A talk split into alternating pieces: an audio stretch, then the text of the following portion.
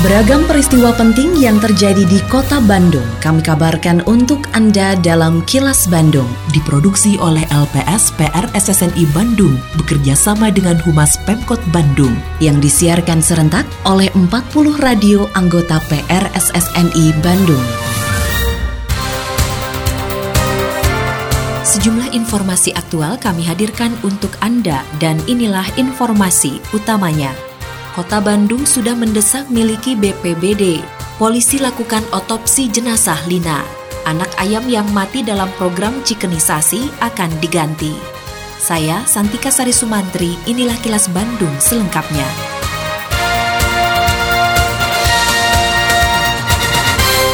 Badan Meteorologi, Klimatologi, dan Geofisika BMKG Bandung memperkirakan cuaca ekstrim di Jawa Barat masih akan berlangsung hingga Maret mendatang. Oleh karena itu, semua pihak perlu mewaspadai dampak cuaca ekstrim tersebut. Peneliti Cuaca dan Iklim BMKG Stasiun Geofisika Kelas 1 Bandung, Muhammad Iid mengatakan, masih adanya cuaca ekstrim di Jawa Barat disebabkan antara lain oleh kondisi suhu muka laut di wilayah utara yang relatif masih panas, sehingga berpotensi membentuk awan hujan. Menurutnya cuaca ekstrim tersebut tidak hanya berpotensi menyebabkan musibah banjir, tapi juga bencana alam lain seperti tanah longsor di sejumlah tempat di wilayah Jawa Barat. Terutama untuk di wilayah apa bagian utara bisa juga potensi terjadi banjir seperti uh, kemarin di Bekasi, kemudian wilayah lainnya juga, kemudian di wilayah selatan maupun tengah juga masih masih berpotensi terjadinya gerakan tanah atau longsor. Karena memang kemarin kita mengalami musim kemarau yang cukup panjang sampai dengan bulan Oktober bahkan November uh, masih belum terjadi hujan ini yang bisa memicu terjadinya gerakan tanah atau longsor.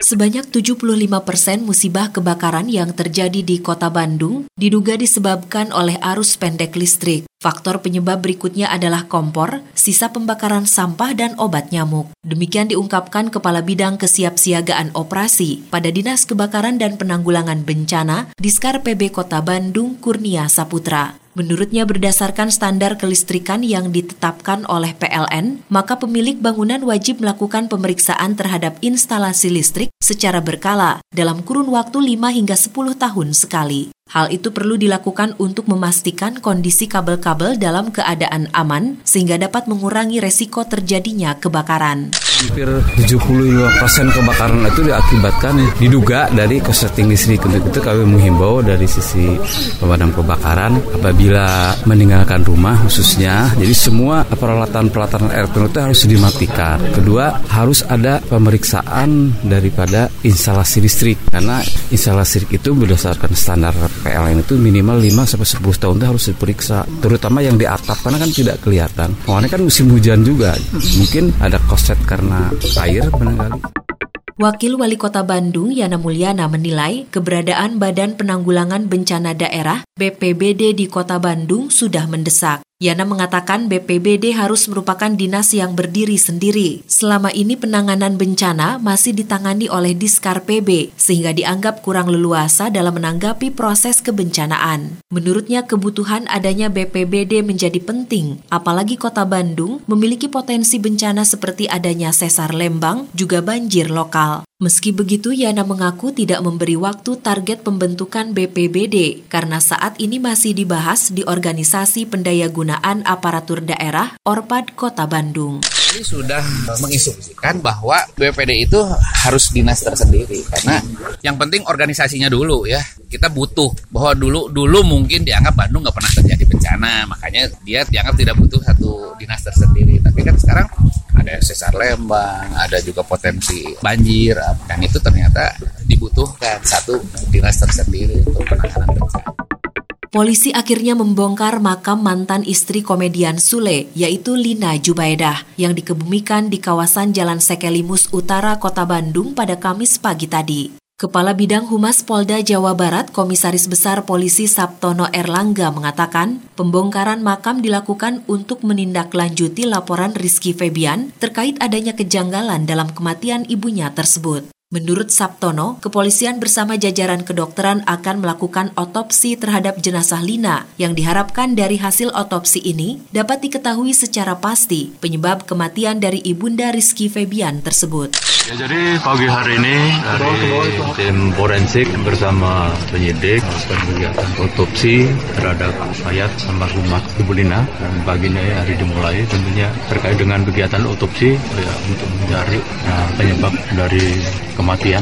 Tentunya nanti akan dari hasil otopsi ini tim forensik akan melakukan analisa penyebab penyebab kematian dari almarhumah. Ekonomi umat merupakan titik temu yang mempersatukan berbagai organisasi Islam untuk memecahkan berbagai masalah umat yang saat ini masih terjadi. Dalam sebuah acara di Pusdai Kota Bandung selasa malam lalu, Ketua Umum Pengurus Besar Nahdlatul Ulama atau PBNU, Said Akil Siroj, mengharapkan para konglomerat bisa membantu meningkatkan perekonomian umat yang saat ini masih sulit untuk bangkit. Said menyayangkan sampai saat ini masih sedikit para konglomerat yang belum memberi perhatian besar untuk mau membantu meningkatkan ekonomi. NU tidak anti konglomerat, bahkan bersyukur kita ini banyak konglomerat. Tapi yang kita harapkan konglomerat yang mendongkrak, menarik, menaikkan kelas menengah, kelas menengah, menarik kelas kecil. Itu yang yang benar seperti yang ada semangat propur pasti ada, pasti banyak. Terutama yang punya basic akhlakul karimah ya, yang punya culture, yang punya jati diri karakter Islam, insya Allah ada kepedulian. Seandainya pengusaha muslim ini zakatnya beres semua, selesai masalah. Semua anak ayam yang mati akan diganti selama ada catatan penyebab dari matinya anak ayam dalam program cikenisasi yang digulirkan Wali Kota Bandung Oded Muhammad Daniel beberapa waktu lalu. Odet mengatakan program ini digulirkan dengan mengusung semangat edukasi bagi para siswa agar mereka tidak lagi kecanduan gawai. Dengan adanya catatan mengenai penyebab matinya anak ayam tersebut menjadi bahan evaluasi mengenai karakter anak-anak tersebut. Selain itu, Oded berharap melalui program tersebut dapat menjadi tambahan wawasan dan pengalaman para siswa di kota Bandung.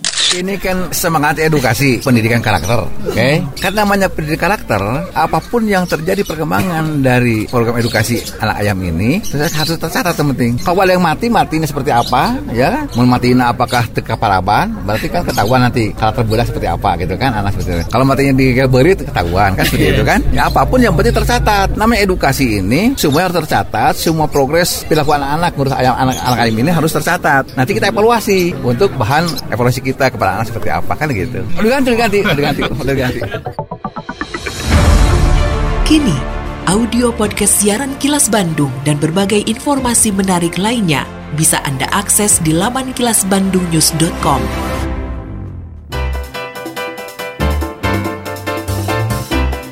Berikut sejumlah agenda kerja para pejabat Pemkot Bandung Kamis 9 Januari 2020. Wali Kota Oded M. Daniel memimpin rapat teknis terkait pengembangan model pertanian terpadu Zero Waste. Selanjutnya menerima audiensi tim produksi film Senyum Sabian. Sementara itu Wakil Wali Kota Yana Mulyana menghadiri acara Silatda BPD HIPMI Jawa Barat di Saung Angklung Ujo. Sedangkan Sekretaris Daerah Emma Sumarna mengunjungi lokasi MTQ tingkat Jawa Barat di Ciater, Kabupaten Subang. Selain agenda kerja para pejabat Pemkot Bandung, informasi dari Humas Kota Bandung, yaitu pemerintah Kota Bandung merevitalisasi bantaran Sungai Cikapundung sepanjang 420 meter, tepatnya di mata air Cibarani, Kelurahan Hegarmanah, Kecamatan Cidadap. Wakil Wali Kota Bandung Yana Mulyana mengatakan, selain mengembangkan suasana sosial, penataan bantaran sungai dapat menumbuhkan potensi ekonomi seiring berkembangnya kawasan tersebut menjadi tempat rekreasi. Pada revitalisasi ini, Dinas Pekerjaan Umum DPU Kota Bandung memperbaiki kirmir dengan membuat area penahan dari bronjong batu. Sedangkan komunitas Serlok Bantaran membuat sarana edukasi mengenai bambu dan kehidupan sekitar sungai. Demikian sejumlah agenda kerja para pejabat Pemkot Bandung dan info aktual yang diterima redaksi LPS PR SSNI Bandung dari Humas Pemkot Bandung.